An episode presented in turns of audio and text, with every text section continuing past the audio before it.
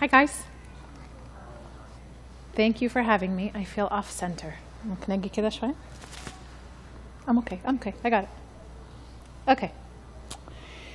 So, um, we'll start. Um, Malish. This one's going to be all in English because a lot of these words are bigger for me, and I don't I don't know what the Arabic is. So um, most of what we're going to talk about is the idea of social media and pornography and the ways it affects our children. And we're going to talk a little bit about the ways that it affects us too as adults, right? It's not just our kids. We're just as vulnerable to a lot of these things. Um,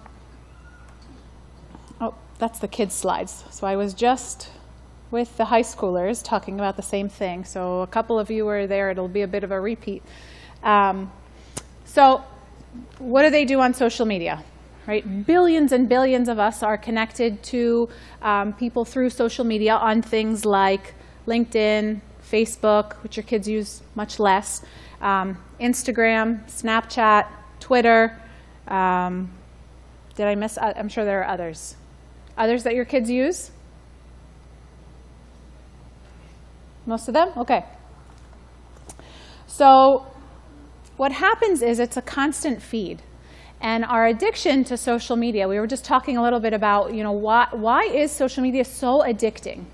What do you guys think? What is it about it that keeps us going back to it over and over and over again? I know people that spend hours and hours a day. I mean, they're wonderful people that I love and care for, but they spend hours and hours and hours a day. Yes? It's convenient. It is convenient. Yep. It's, it's, it's, it's in your pocket. You have access to it 24 hours a day, anytime you want to. Can't fall asleep? It's right beside you. Yes. Can we pause a little bit till we get the translation Oh, set up? sure. I think that so many people here are not Yeah. tracking it. So this discussion part ممكن نعملها بالعربي a little bit. ليه, ليه تاني احنا بنقضي وقت كتير على السوشيال ميديا؟ Yes.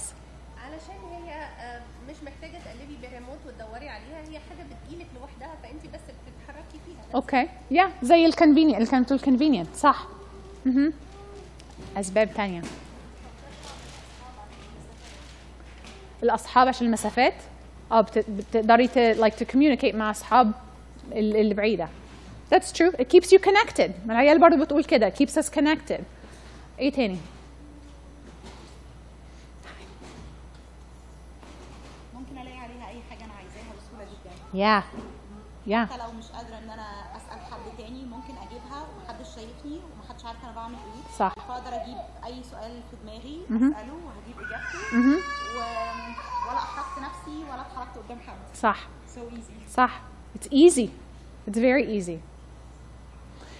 So, ال, السوشيال media, the reason why it's addicting, uh, يعني for a lot of the things that you guys said, بس برضو we have to see إن هي it's a business.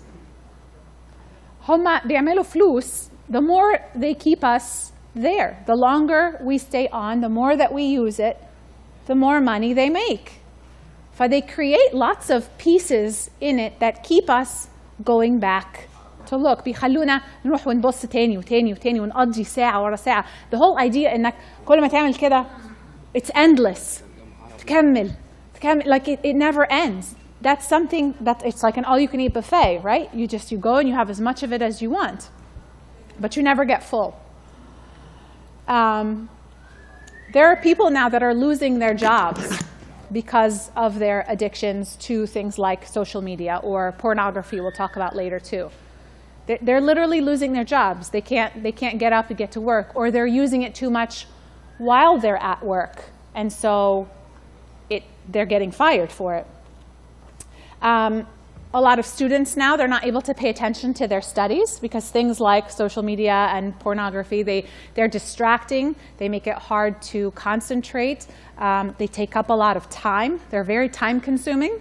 Do you know anybody who spends more than two hours a day on things like social media? Raise your hand. Do you know, eh, تعرفوا حد بيقضي أكتر من ساعتين في اليوم on something like this? أكيد. Do you see that answer? أكيد.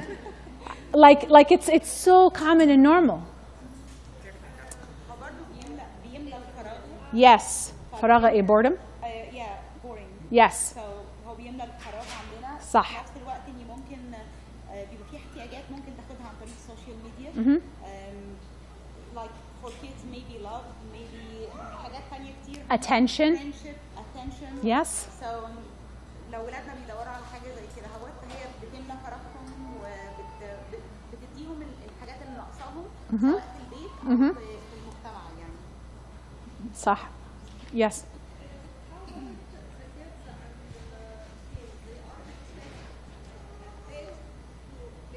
Yeah, the video games, they do the same things. Now, we're not going to pass out the microphone right just yet because um, it's going to be a lot of discussion. Just like give the, the couple minutes till we, or maybe a couple seconds till we give them the mic because people in the back they don't hear anything. yeah. Or you, or Sure, you sure. I repeat. can repeat it. Yes, sure, you repeat. sure, sure, sure. Yes. The video games. all the time with other with other uh, friends and with other kids the same age like them. Yeah. Um, I feel like it's a very um, big problem we Yeah. have, it, but I don't know how to deal with it. Yeah. So, so aren't they so smart, the marketers, that nowadays they have connected the social media piece to the video game piece, two things that are already very addicting. And now I can sit and play Fortnite from the comfort of my home while also wearing an earpiece and talking to all of my friends. I can have it all. And I can do it for hours and hours a day. Why would I ever want to stop? Right? Yes. Of course. Of course, I shouldn't, you know, nobody wants to spend five hours studying. I would much rather just enjoy or allow, you know, there's, there's fights happening in the home or the atmosphere, you know, حد بيزعق فيا or اتنين بيتخانقوا or something. Sure, I don't want to sit in that. So it's a great escape. It's an escape for all of us. Okay.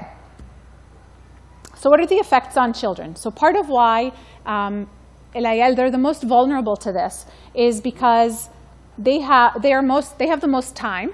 they're the most prone to being bored, right? Our kids are always saying, I'm bored, I'm bored. I'm So we talked about it being a solution for boredom, and that's why they're prone to it too. Um, they don't feel like studying. They're also doing their, going through their identity development. They're learning about who they are. And as they learn about who they are, imagine if you have access to billions and billions of people and seeing who they are. And that helps me decide, well, do I want to be this person or do I, oh, but that person gets a lot of attention. I, I'm going to be more like that person. And so they're trying to figure out who they are. And so they want to see more and more and more and more. Okay, some of the negative effects include things like multitasking. They're trying to do.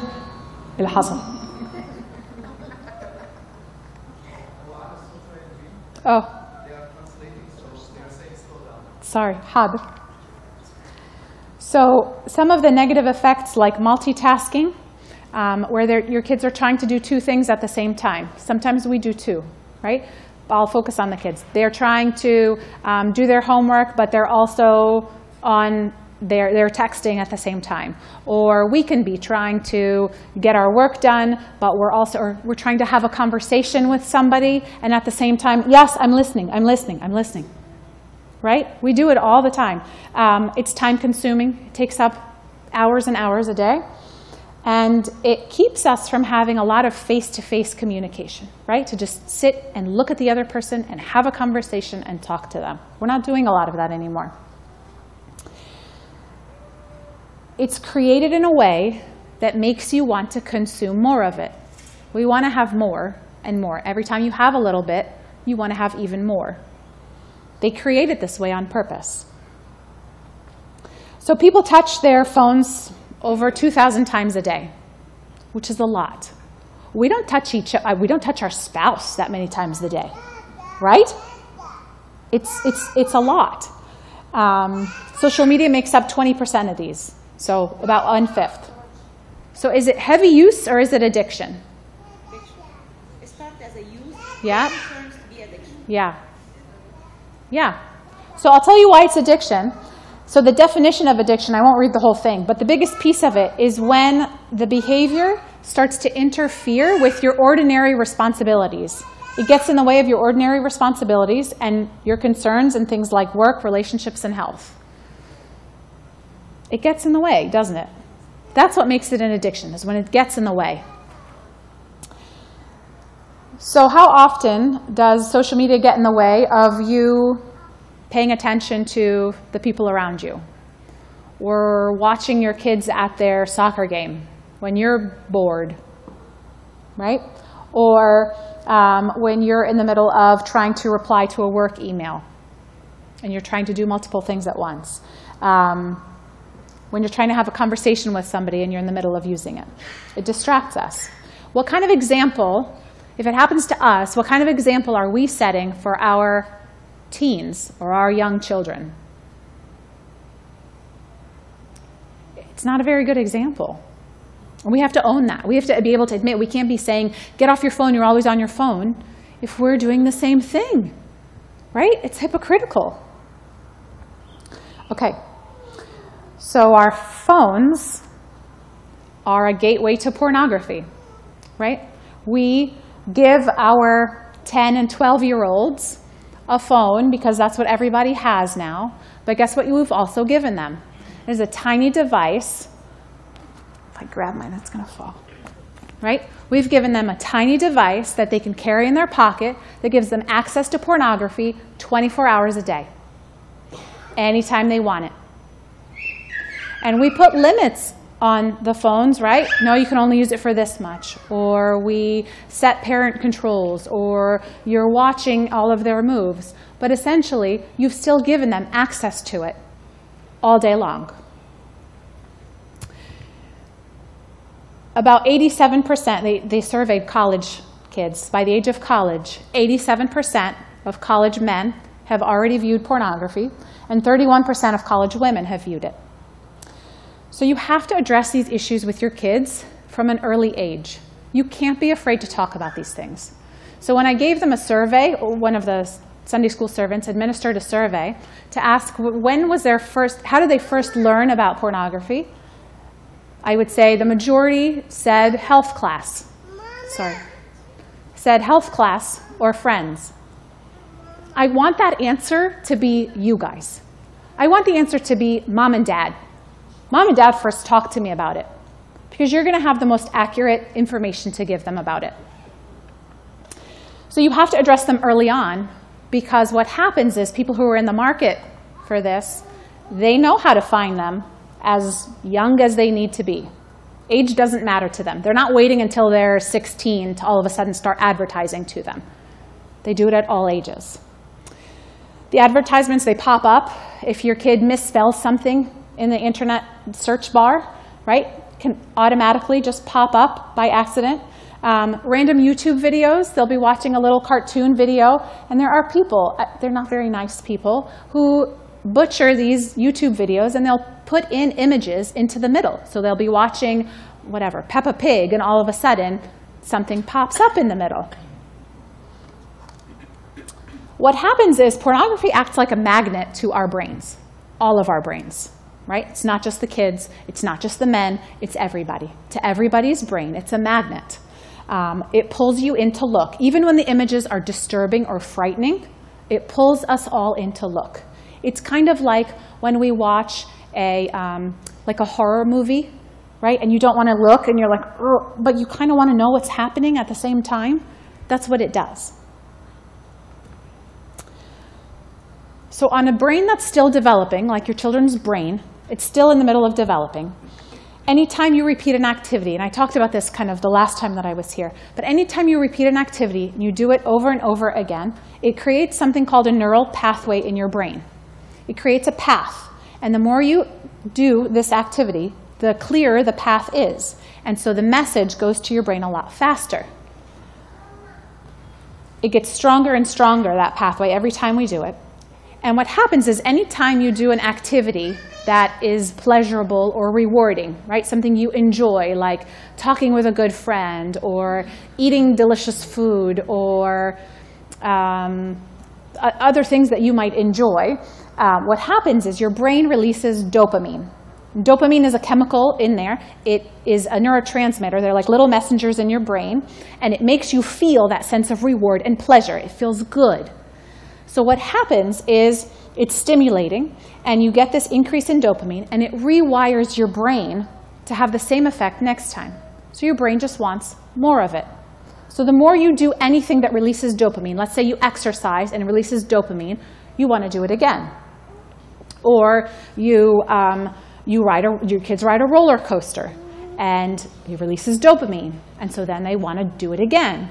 So anytime they do a pleasurable activity, you just want to do it again. What happens for your kid's brain is that the adolescent brain releases four times as much dopamine as the adult brain does when it's involved in a rewarding activity. So they're getting a whole lot of pleasure at the same time. That's why to, th- to you, hanging out with your friend is enjoyable. To them, hanging out with their friend is four times more enjoyable than it is for you. So they want to do it more and more. The other thing that happens is their prefrontal cortex, this part of their brain, like right in the front here, that's in charge of their self control and their rational thoughts. Right? So when we say, like, what were you thinking? Well, they weren't really thinking because this part hasn't fully developed yet. So don't ask that question. So combine all of those factors together, and you can see why they're so much more vulnerable to pornography. So because it's also releasing, it can increase the levels of cortisol and testosterone in, the, in, in your bodies. It rewires the brain. And what happens is it starts to impact how they process emotions later on into adulthood. Okay. So this reward system that your brain has, um, because the adolescent, the kids' brains is at a peak of producing this dopamine in that age, they're constantly seeking pleasure and excitement, right? Why do you want to do this? Because it's fun. I'm bored. They're constantly looking for that reward and the pleasure and the excitement piece of it. And because their brain is still being formed, it hasn't fully, you know, become complete yet. It's, they call it neuroplasticity. It's, still, it's like a piece of plastic that is still forming, is being shaped. They're so much more vulnerable to things like addiction um, because the brain hasn't fully developed.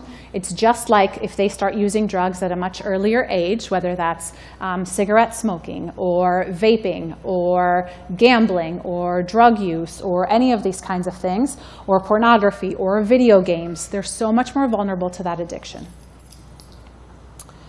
All right. So, what are the problems that are associated with pornography? Um, we talked a little bit before, it's similar to social media in that it affects their ability to concentrate, their concentration problems happen. There's a big link with depression. So, people who use pornography um, frequently, they also tend to have higher levels of depression. It also increases their social anxiety. And, and, sometimes they already have social anxiety, and so pornography becomes an easy thing to use because it's an experience they can do alone. Um, and it also like breeds social anxiety too, because what happens is they're feeling this sense of shame and guilt, and when they're around other people, they're nervous and they're anxious and they're tense and they're worried that someone's gonna find out. What if I say the wrong thing or do the wrong thing and somebody finds out? Yes. Yes. المحاضرة دي كلها عن موضوع ال- الأفلام ولا موضوع الإنترنت والتليفونات؟ A little bit of both, but the primary uh, topic they wanted was pornography. آه أوكي Yeah. Yes. Oh.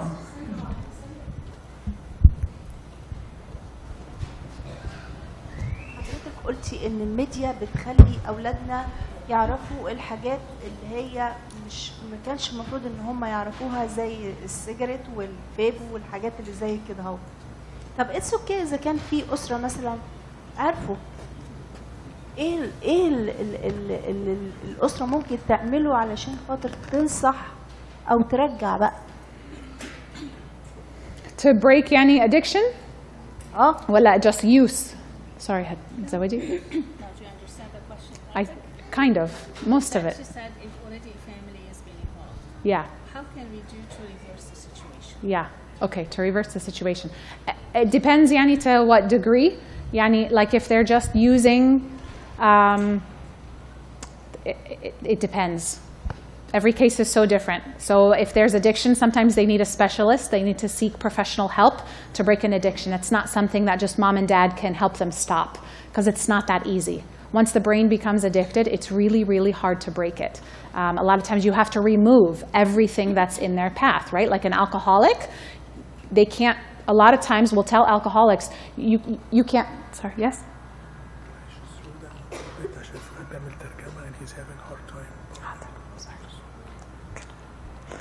um, like with alcohol, they recommend, um, they'll tell them you, you shouldn't, don't go out with friends, you shouldn't be at a bar, you shouldn't be you know, sitting to have dinner if they're serving drinks. Um, don't spend time with friends that are drinking because it's, it's too much. It's too much of a temptation for the addiction. The brain immediately begins to crave it and it becomes a really overwhelming craving. So a lot of times, you know, that's why like rehab centers are very effective because you have to completely remove them from the environment that created the habit in the first place in order to continue it.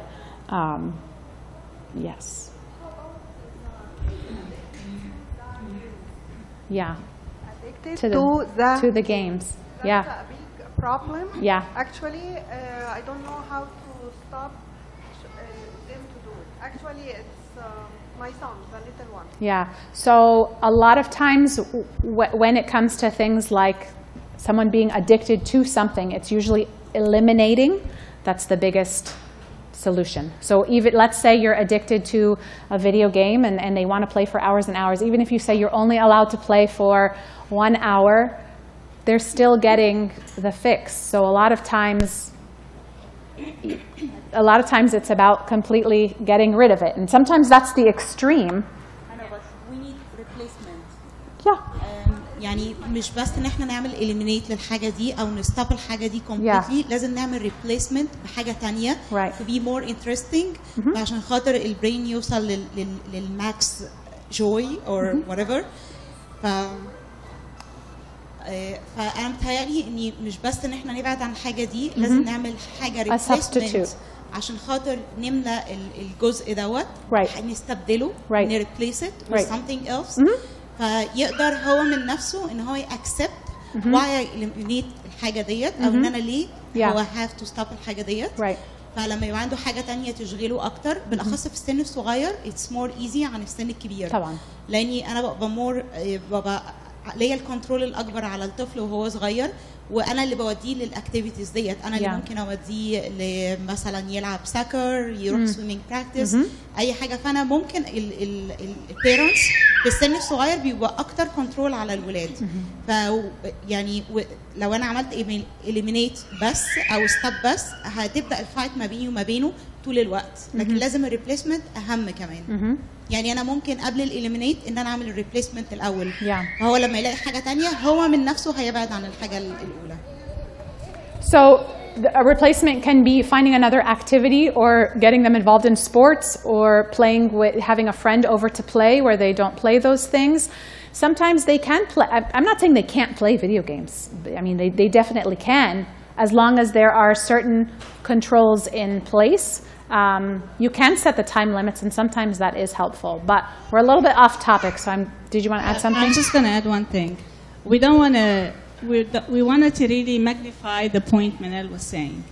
Uh, now, with with uh, drugs addiction, it started with the video game addiction when they were young.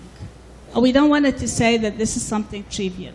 Getting connected or getting attached to an instrument, instant fix. We call it a medicine an instant fix. I need to fix my boredom. I'm going to just be on the phone all the time. When this child get older, he will get an easy fix from something else. And this is going to end up for, with no end. I like the idea of always finding a substitution for the time to make sure that the time is really used effectively, but we don't want it to ignore, oh, it's just a game. He's on the phone all the time, it's a simple thing. It will turn out to be a big thing in the future. All right, so I'm going to refocus us because what I'm really here to talk about is pornography. Um, and while we are talking about some addictions, it's, it's really just to focus on this specific one. And I'm aware that we have little ears in the room, so if you're uncomfortable, feel free to take them outside. Okay, so some other negative effects that are associated with pornography use are um, low motivation. A lot of times, when there's a lot of um, when they're looking at pornography, a lot of times they're they're not interested in doing any other activities. Um, it becomes a big distraction, and, and they're just they don't feel like doing anything else. it really impacts their perception of themselves. They start to look at themselves very negatively, and their self esteem goes down and their confidence goes down. Um, it takes a big hit on who, how they see themselves.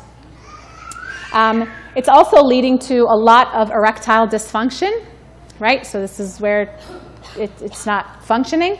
Um, and it's happening at younger and younger ages. So they've always known that a lot of pornography use leads to erectile dysfunction in older men, um, but they're finding it at younger and younger ages now. So young adults in their 20s, um, they're finding these problems existing. Um, it's impacting relationships, both their current relationships and their future relationships. So when teenagers use a lot of pornography now, um, it makes them very unhappy in their relationships later on. Um, it happens in marriages, so when a, a, lot of, whether it's the men or the women, so women aren't immune to this too, it happens to both. Um, it leads to a lot of dissatisfaction because it creates a lot of myths in your mind of what real sex is supposed to be like. It also distances us from our relationships with God because there's so much shame that's associated with it. We start to feel ashamed and unlovable and um, like we could never be accepted for kind of who we are, or we feel unloved from the first place. Okay, what are some warning signs to look for in your children? Um, there's a loss of interest or ability to socialize with their peers. So they're not interested in hanging out with their friends or spending time with them or spending time with the family. Um, they have a decreased interest in their school activities, so they don't feel like going to um, baseball practice. They don't feel like doing any of the things that they were once doing. They kind of just, they're no longer interested in stuff. They start lying to parents um, about their sexual or romantic activities. They're not being honest. Um, they're starting to have interest in dating activities that are beyond their age level. So of course, around the high school age, they're going to be they're going to have interests in the idea of dating. Um, but when it starts to be not age appropriate, like they're interested in dating somebody who's you know 40, 50 years old, or um, with having relationships with younger children, it, it really messes with their idea of what a healthy relationship should look like. There's a lot more secrecy. They spend a lot of time I mean, teenagers do this anyway, spend a lot of time in their room alone, but when it becomes really excessive, um, you know, it's important to be concerned. And if they are viewing or masturbating to pornography for many hours a day, uh, that's also a red flag and a concern. All right, talking to your child. So the biggest emphasis here is to learn how to talk to your child about pornography because it can be a hard topic to bring up but it's important to talk about it because, again, you don't want them hearing this from the other people that they're in school with. You don't want them hearing it in their health class. You want to be the one to give them the information. And a lot of times, with things like addiction in general, teaching them how their brain works, whether it's about video games or drugs or pornography, teaching them how their brains, it's hard for them. The more they do something, the harder it is for them to you know, to stay away from it, teaching them about that can make a big difference. They, they like learning about themselves and how their bodies work. Um, share the positive and accurate information with your child. God created sex. Sex is good. He made it for us to enjoy in marriage, not alone and not by idolizing other images. Um, give them the good information, not just the bad. Because when we come at them, we're like, don't do this. This is bad. This is terrible for you. This is, do you know how bad this is for you? Do you know how horrible this is going to be? They don't want to hear any of that. But they are going to want to hear the good things that also come with it. Um, avoid responding out of fear. So don't just react because you're so afraid that something is you know, going to be so terrible. React out of love. Respond in love, not just out of fear. It's not just one talk. You're not going to be able to just bring this up one time. This has to be a continued conversation, a repeated conversation that you bring up over and over and over again. Not in a nagging kind of way, but like a checking in type of thing. Um, you can find opportunities to talk about it. So For example, after you find out that they've been viewing sexually explicit material, if you find out that they have been visiting pornography sites, um, that's an opportunity to talk about it. If you guys are watching a movie together and there is a sex scene in it, that's an opportunity to talk a little bit about, you know, why, why do they put sex in movies? And how should we be looking at things like this? And what does our family believe about when sex should happen and what, you know, what's all involved? Um, let's say a catalog of lingerie arrives in the mail. That's an opportunity to talk about it. These are all uh, windows for you to be able to start these conversations with your kids rather than never talking about it until a problem happens. Um, when you guys are watching, if they're watching music videos or in their video games, it's involved there too. All right. You can share what your family values are, right? Like in our family, we treat people with respect, we value them. In these images, they don't respect the people that they are depicting. All right. Another thing that can help when you're talking to your kids is to really understand where they're coming from. So if you acknowledge that it's hard, it's hard to resist these things, or acknowledge that they do want the attention of others. And so sometimes putting up pictures of themselves where they're not fully dressed in order to get the attention or to get the thumbs up or to get the likes, that that's going to be appealing to them. You have to be able to empathize and understand their position, that these are hard things that they are facing and trying to resist. Um, help them understand how to stand up to the pressure of um, creating sexual images of themselves, sending them to others, right? This is a common thing that's happening in high schools. Are you guys seeing this? Are you aware that this happens? Yes, right? So helping them figure out how to resist those pressures um, because it is a lot of pressure. Figure out how to set limits together or limit their exposure. So why don't we together set up some parental controls on all of our computers? Why don't we put all of our computers in a public area so that we are all looking at things that we will only look at, you know, knowing that everybody else in our family is around. Um, sometimes doing those kinds of things, like we're all in this together, we're all working to help each other, can make it an easier way to talk about things. Um, help them understand, have conversations, right, about how pornography doesn't give us a healthy understanding of what a relationship looks like, but it's an unhealthy view. And so show them both. Help them see the differences between this is what a healthy relationship looks like, and this is what relationships look like in pornography material. All right, how to help. So these are kind of more practical ways of how to help children who are already accessing pornography. So if they're getting there because they're clicking the pop-up ads, um, you'll want to increase your internet security settings. If they're looking at it with a friend at a friend's house, you might want, so we're not going to say, no more, you can't be friends with this person. That's not helpful. But maybe instead you can suggest, you know what, instead of you going to Johnny's house, why don't we have Johnny come over to our house and play so that it's under your supervision? Um, if they're regularly looking at it when they're alone, then you want to talk about you know, why are they looking? Have conversation. It doesn't just have to be this is bad and don't do this. What's going on? You know, what, what's making you? Why do you want to look at this? What's making you turn to this? Um, you're going to want to understand what's happening for them. You know, are they feeling lonely? Are they feeling depressed? Are they feeling upset about something? Are they really bored and need to find a hobby? You know, what, what is it? Um, learn about your child. Give them an opportunity to share what's happening rather than making them be defensive right away. Um, are they looking at pornography to just find out more about sex? Then have a conversation with them. Be the one to educate them about it rather than them learning in these other ways. All right.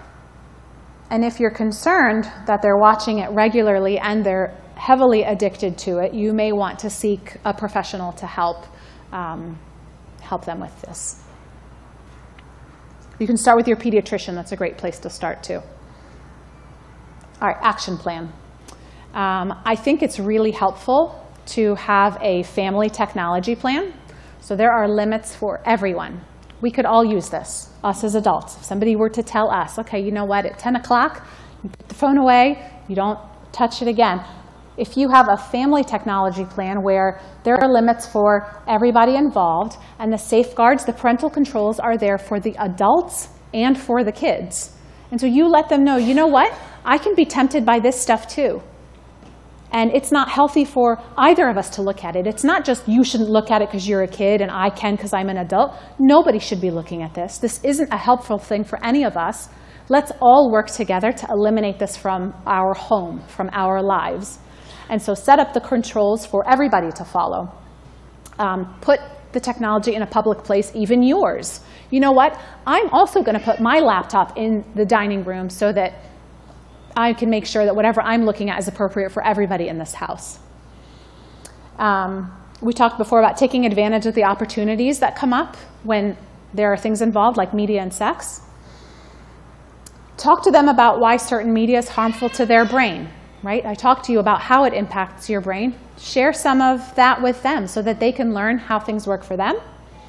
Um, decide to hold off. If your children are younger, decide to hold off on social media until they're older. Fight against the current. Stand up for the fight and the constant nagging that they do for you. Just hold off for as long as you possibly can. There is nothing good that comes from it. Don't feel like, oh, but they're going to be left out. Oh, but they're going to be lonely. Oh, but they're going to be the only one who's not connected. Oh, it's just going to make them be more of an oddball, and they're already kind of odd and struggling. The risks that come with it are not worth it. They're just not. Um, talk openly. Show understanding. Be understanding. I know it must be so hard. I know how hard it is. Everybody in your class is doing this except for you. Be, be honest um, or show understanding when they're struggling with pornography. I know that this must be so hard for you not to look at. Of course, it's going to be appealing. All of our brains are wired to desire these things, it's how God made us. Um, stay calm. Don't get angry. Don't start yelling. They're not going to listen to the things that you're trying to say. Speak calmly. That's how your message is going to get across. Avoid the cycle of guilt and shame. So when you make your kids and yourselves, when we do this to ourselves, when we feel guilty and ashamed about something, we're actually more likely to do it again, not less likely. It doesn't help us, it makes it even harder. So let's say you're completely different track. Let's say you're on a diet and you decide you're not going to eat cake. And so then you have a piece of cake. If you sit there and you shame yourself, you're like, oh, again, you failed again. You said you barely made it two days. It's only like day three. You did it again and you feel guilty and you feel ashamed. Guess what's going to happen the next day? You're going to feel like, I already failed. What's the point? Might as well have some more. Right? I'll just start next week. And you keep on doing this. Well, the same thing happens with our kids. If you make them feel guilty and ashamed for doing something, and they start feeling ashamed about themselves, they're more likely to do it again the next time. Instead, what you have to do is help them feel better about themselves. You're such a great person. I know that this is not something that you are happy that you did either, but it's okay. It's okay that it happened. Let's find a way out of this together. Let's work together to help you get to a better place rather than piling on the guilt and shame. We're so good at that in this culture, aren't we? We're so good at the guilt and shame. It just keeps things going. And what it does, too, is not only does it perpetuate it, but it makes them more likely to just, they'll just lie to you about it next time so that they don't have to feel the guilt and shame from you, even though they'll feel it internally. All right. Any thoughts, questions? Yes. Oh, yes. One Uh, you need a microphone. Yeah, if we have questions, Yes. please raise your hand. Give me a, a moment to give you the mic so that everybody else can hear what you're saying and we avoid repetitive question.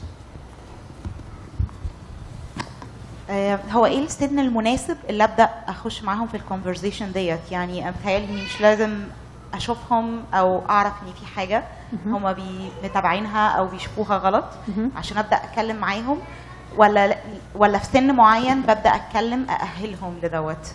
يعني إيه السن المناسب اللي يسمح لي إن أنا أخش في الكونفرزيشن دي مع ابني أو بنتي؟ Yeah, I think حتى من سن صغير يعني like four or five years old, you're not going to say مش هتقولي you know like oh by the way there's pornography we need to talk about this but in their age because I said it's a continued conversation that you're going to have over the years four or five years old you know what habibi you can't have this by yourself mommy needs to make sure that all of the things are good because there are bad things that are on the internet there are things that are on the computer that are not good for you to see they're not good for any of us to see and then they're a little bit older, we start talking about what those things are, right? So nine, ten years old, we're talking about, you know, there are people that are on the internet that are specifically looking for ways to hurt kids. And I want to help protect you from those things. And there are, there are images that are on there that are not good for your eyes. They're not things that God intended for you to see. And then they get a little older, right? We're at 12, 13. We start talking about what are those things? There are a lot of pictures of nudity on the internet, and again, those aren't things that God intended for any of us to see. I'm not supposed to see anybody else naked except for my husband. You're not supposed to see anybody else naked except for your future spouse, and you allow your family members, you know, to help you in healthy ways, and the doctor. But other than that, we're not, we're not meant to see other people that way. Um, and so you, you start having age appropriate conversations from super duper little all the way until they're adults. But, but the conversation, it continues to kind of evolve, like, like it gets bigger as they go. Naveen, uh, quick question. So is there, is there a point of no return? Is there a point of, uh, you say that this, this is a lost case? When do you seek professional help? I don't think there's a point of no return. Um, it's never a lost cause, whether it's a 50-year-old man or a 20-year-old, you know, young adult who no longer lives with you.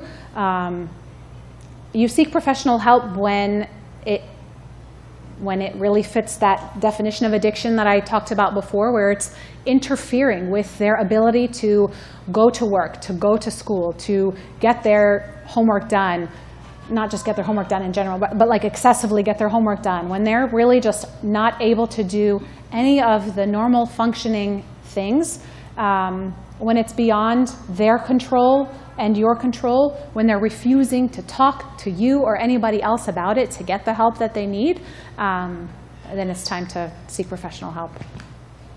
Did that answer? Yeah, uh, do you think this, this will violate their trust when you bring them to somebody else? Uh, when, when you bring them to you, for example, Naveen, do you think that this will break any future communication with the kids and will make them feel, I can't trust you anymore with any of my secrets? Now everybody knows about me? Ideally, no, because you're not dragging them into the office. You've already had a conversation that says, you know what, if you're not comfortable talking to me about this, that's perfectly fine. Let's go to somebody you can talk to about this, that you can trust, who isn't going to share any of this with anybody else here, including mom and dad, right? So when I see teenagers, I don't share everything with mom and dad. I mean, all of the you know, therapists you see, they're not going to share everything with you in order to have your children's trust unless they're at risk.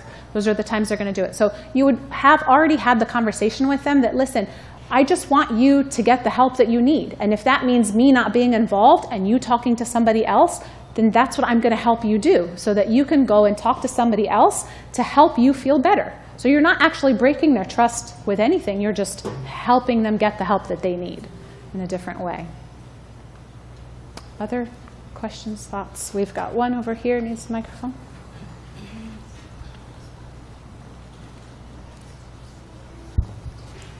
So when you say um, in each each uh, we should introduce a certain uh, explanation to them, um, it, it, sometimes this will make them more curious. Maybe uh, it's they're not just gonna take whatever you the part that you gave them and they will be content with your your explanation. Maybe they will be more curious and they will go behind your back and try to find. Maybe you will open their eyes to something that they will look more into behind your back. Um, how to how to avoid that? Usually, we are behind the game. Usually, they know more than we think they do. Um, so it's very unlikely that you're going to.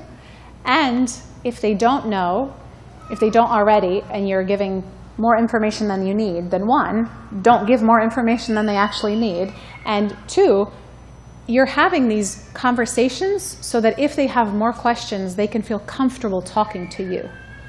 Um, so that rather than them going and looking for other things, if they have a question, they're like, but wait, what's, what's this thing? They would feel comfortable asking you these questions rather than kind of going off and digging on their own.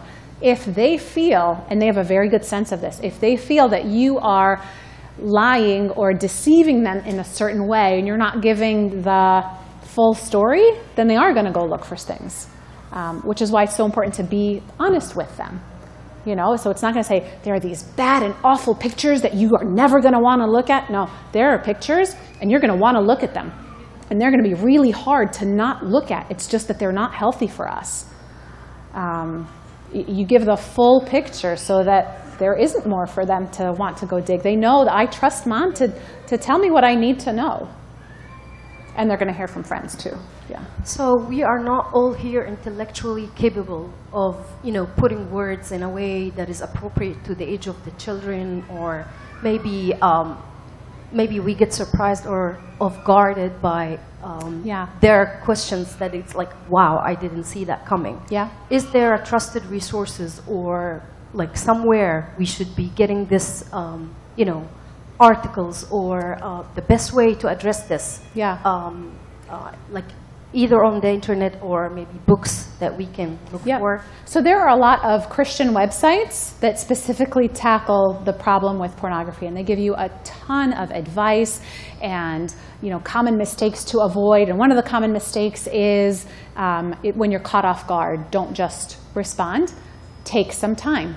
Tell them. Say, you know what? That's a really good question. I'm going to take a, a day or two to think about that. Let's let's have lunch together in a couple of days. Just sit down, you and me, and let's talk about this. But give me some more time, or even honestly say, I don't know all the answers to that. That's a really good question. Let me go find out. Let me go learn about it, and I'll come back and, and we'll have more of a talk. But be sure that you follow through on that promise. When you say you're going to talk about it later, be sure that you actually do. Um, Can we so- share some of these? some uh, resources? yes. Yeah, so I don't, I don't know if you want me to pull them up now, but we- we, we can, can send I can by send you the list. yeah, I'll, yes. There are lots. Honestly, if you Google Christian resources for children pornography, you will find it. But I have to tell you, the idea of feeling like feeling like you're not intellectually able to have these conversations is totally false. You don't have to be an intellectual about it. You can just talk kindly with your child. Just see their heart rather than just the behavior and show them that love and that care. That's really all that they need to see. And so they don't have to hear science, they can just hear your care and love for them. Um, and that can be a big starter. Uh, can I say something? Please. For, for the servants? For the servants, احنا we had a meeting at 1, بس احنا we canceled the meeting. So we all gonna be here, continue with the question. Sorry, Anivin. Sure. So yeah, we don't want to interrupt. I think this is very important, especially for the servants عشان احنا بنتعامل مع عيال ومع محتاجين ان احنا نعرف المعلومات دي كلها. Naveen, do you see patients like that at, in your clinic? Do you see kids, Kids? with different addiction problems? It doesn't have to be pornography. And Yeah. do you, what's your success rates? Uh, I'm not talking about you specifically, but is this something that is professionally breakable kind Absolutely. of thing? Absolutely. No, it's definitely, I I mean, there's, um, there's a lot of progress that can be made for sure. Um, I do see kids, and a lot of times I'll see a kid where, you know, I saw a, um, I think she, she must, I, I saw a young girl, and the parent brought them into me um, who had gotten very angry that they had found out that their daughter, was, that their daughter was looking at pornography, and had gotten so angry and was making them track it on a family calendar right? So that this is in public view and everyone is seeing so there's there's so much guilt and shame.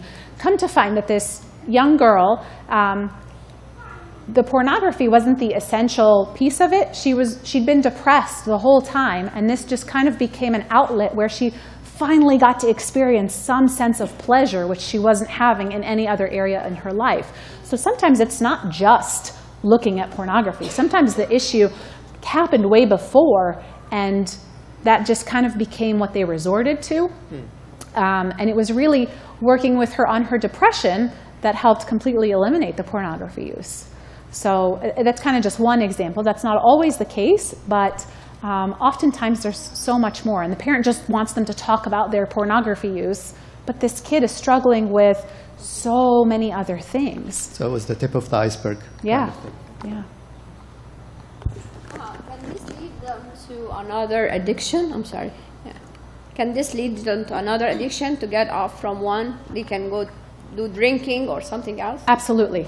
Absolutely, because when they get that huge surge of the dopamine, they start looking. So let's say pornography stops existing, um, they're going to look for a fix in another way. And a lot of drug users do the same thing, right? So if they um, are starting to use you know, cocaine, and all of a sudden they can't find any more cocaine, they'll just find a different drug to meet the fix instead. So um, it's very easy to transfer that feeling of um, addiction from one substance or use to another. Or a lot of people who, um, you know, were alcoholics or cigarette smokers, they'll just find something out, like it'll turn into shopping, or you know, it, it may no longer be a drug, but they just have an addiction to other lighter-ish things sometimes. Other Um, question. So, do you think in uh, kids at the teen age, do they see that or uh, notice that in their friends? I mean, See do what? they like do they know that their friends could have this problem in school? Because like sometimes when we ask, they say, "Oh, this is kind of everything is okay. Nobody does anything wrong." And they don't want to talk about it, probably to protect their friendships. But I Mhm. just need to know around this, like the teenage, is that something they tell each other? Yeah, they all know. I, I, would, I would say it's very rare to find someone who hasn't been exposed. They all get taught it in health class too, so um, they all learn. They know that their friends, I mean, they, they don't, they know whether that friends also look at it, um, and they talk about it. They do talk about different, whether they're making jokes about it or talking about it, but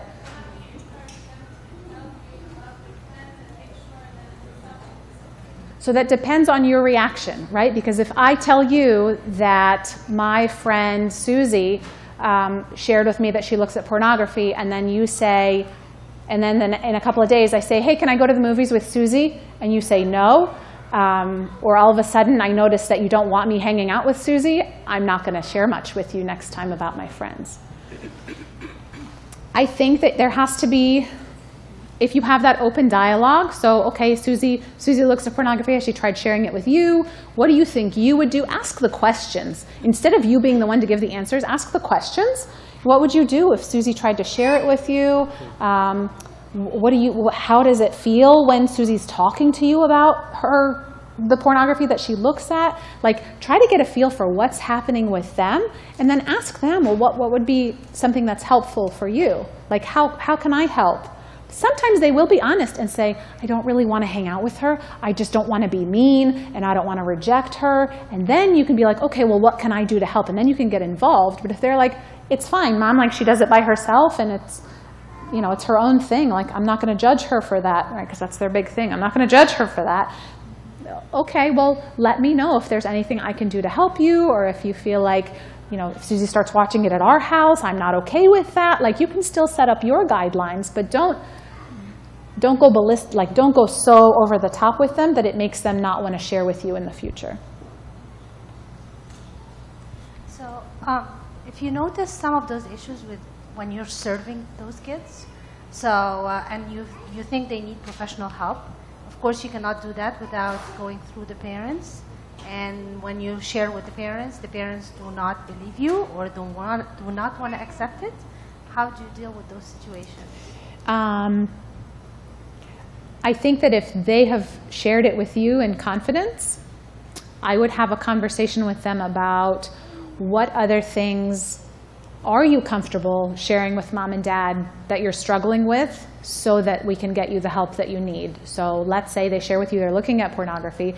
Okay, well, what else is going on? Uh, well, I have no friends, I just feel so lonely. Okay, well, can we share that part with mom and dad so that that can be some a way to get you in to talk to someone? Um, and then when you're in there, you can share all of the things that you want to share um, until you're ready to talk to mom and dad.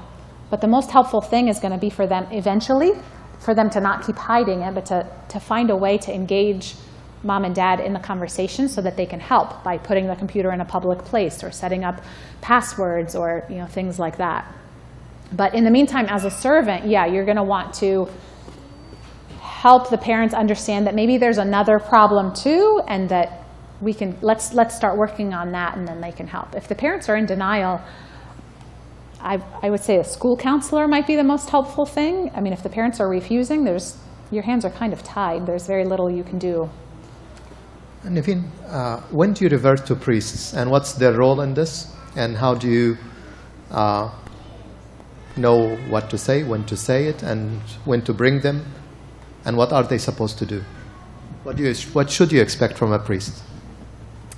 Um, I would, I would want my children using the priest to um, help them figure out how to repent and confess about this and talk, like have a dialogue about what, what they're experiencing and what's going on. But the priest can't be all that it is. There has to be the family support that's there. Um, so I would want the priest's role to be to help reduce that guilt and shame um, about it. You know, God has forgiven you and God understands and He knows that this is something that, you know, we as humans are going to sin and we're going to fall. And um, they can help provide some resources and some tips, but ultimately, I don't think the priests can carry the entire load of something like this because they're not with your child 24 7. So um, there has to be parent involvement, family involvement too. Naveen, what do you think? Yeah. what do you think about um, sleepover and staying long hours with even Coptic friends? Because we tend, as as parents, to think, "Oh, my child is with this Coptic friend for 12 hours or for six hours. I don't have to check on her, Mm. but I don't have to know what they're doing. Mhm. I know she's safe." Mm. What do you think of this? Um, I think that Coptic people are not immune to the dangers of the world. So it, it doesn't matter what, what the friend is or how religious they are or how much they love Jesus. Um, we're all humans and we, are all, we all fall into the same sins and um, we all experience the same things. And kids, kids will experience the same things um, no matter whether their friends are Coptic or not Coptic. So it's not to be feared that they are friends with these Americans, but they're friends with the, these church kids. Um, it's, they're going to be exposed to things no matter what route they go. So I, I would treat it with the same, emphasizing the same family values that you have, no matter who it is that they're with. There was someone back here that had the microphone. Yes. لو تسمح لي يا دكتورة نيفين يعني آه، الحلول دي جميلة أوي لكن في حلول يمكن أقوى ومؤثرة كم مرة الصلاة عملت مفعول في ناس فعلا كانوا وحشين قوي وبقوا حلوين وكم مرة حمت الصلاة ناس من إنهم يقعوا في الإدمان. نشوف اغسطينوس يوسف موسى لما كان في قصر فرعون. الله هو أمس واليوم والى الأبد. من غير ربنا ما هيعمل بصلاتنا في ولادنا لن يحدث أي تغيير تغيير من جوه عايز ربنا عايز إيد ربنا حقيقي الحلول دي ممكن تجيب نتيجة لكن مع وجود ربنا 100% موافق Absolutely. أنا معاك 100%. Absolutely. I think, yeah, pray for your child is definitely part of your action plan. Pray, pray, and pray some more. That's going to be one of the strongest, um, most helpful advocates in our court. um, having those conversations, uh, the parents with the children, it's not always a comfortable thing for the parents. More than it's probably more comfortable for the children than Mhm. the parents. So sometimes the parents they resort to Sunday school to Yeah. do that, And we have programs for that. However, when the, when the conversation is initiated by their Sunday school teacher, they are more comfortable now talking about those things with the person who initiated that conversation Mhm. with, not with their parents. Is that helping or hurting? Because now the kids, they will go when they have issues to their Sunday school teacher to talk Yeah. about it, not to their parents. Yeah. Um, it's helpful and hurtful. So it's helpful that they have someone to talk to, like their Sunday school teachers, but it's hurtful because you're just pushing them away from you. Just because you're uncomfortable with something, you're creating more distance between you and them. And then you, we get upset that they're not sharing enough with us. And that's not fair to put on them when we've, you know, pushed them off onto someone else. So it's, it can be helpful temporarily, but long term, it is very hurtful because it distances you from your child. And I mean, you don't know. What if the servant decides to move in six months?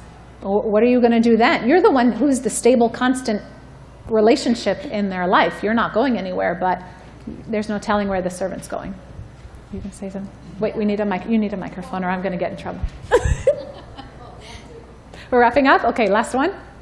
Okay, uh, I just feel that with young families, with, with, with, with they're trying financially to, to establish uh, their work and they work long hours and it's very hard to, to establish all this relationship with Yeah. and, and, and the trust and the talk and, and all the time. I mean, it's, it's just very hard and it's just, again, to elaborate on, on, on the praying is, is a good thing because seriously, I don't know how my kids know Yeah. because, uh, because it's, it's all like praying and saying, okay, Ya Rabbi, Ya idini nas kويسة.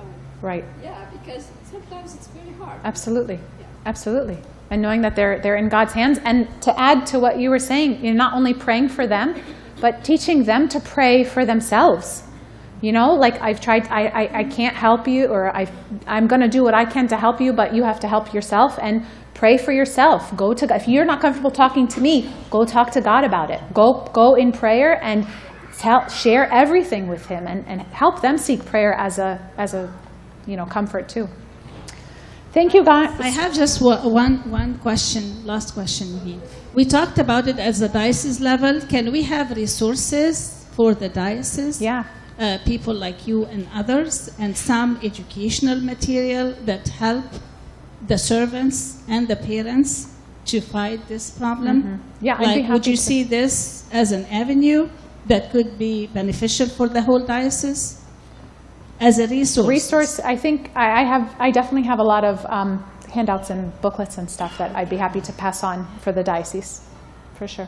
There was one last, last Yeah, question. so, sorry, I missed the front end of the, the conversation, but like uh, something very important, like I feel like from my own experience is, like, I go and we do a hiring process and we get a perfect candidate, perfect guy, perfect gal, and then we go through a process and discover like, no, this kind of stuff, it's, it's unspottable for me, like it's very confusing. So how can we spot addicts um, so we can start helping them if they're not talking? How can you spot addicts? Yeah, I mean, like, how can I know that that kid in front of me or that Oh. teenager is having an issue? Is struggling with an addiction? Yeah. Yeah, I think a lot of the warning signs that we um, went through earlier when they start isolating or when their behaviors are different or they're not capable of, you know, completing their daily tasks, like the, their responsibilities that they have. Um, I think a lot of those kinds of red flags, the warning signs that we were mentioning earlier, tend to fall in with most, most addictions, as well as the physical signs, right? Like when you're seeing things in their physical body looking different.